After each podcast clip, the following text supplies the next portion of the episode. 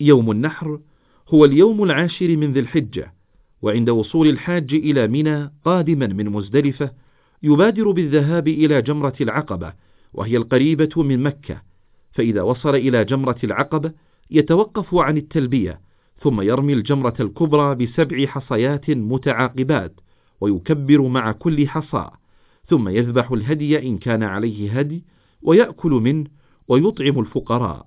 ثم يحلق أو يقصر شعر رأسه والحلق أفضل. أما المرأة فتقصر من شعر رأسها قدر أنملة وهو ما يعادل رأس الإصبع.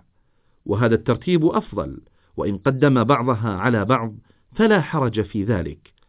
ويبدأ الحاج في التكبير للعيد بعد رمي جمرة العقبة قائلا الله أكبر الله أكبر الله أكبر لا إله إلا الله الله أكبر الله أكبر ولله الحمد. ثم ينزل بعد ذلك إلى مكة المكرمة ليطوف سبعة أشواط طواف الإفاضة ويسعى بعد ذلك سبعة أشواط إن كان متمتعا أو إذا لم يكن قد سعى مع طواف القدوم لمن كان قارنا أو مفردا.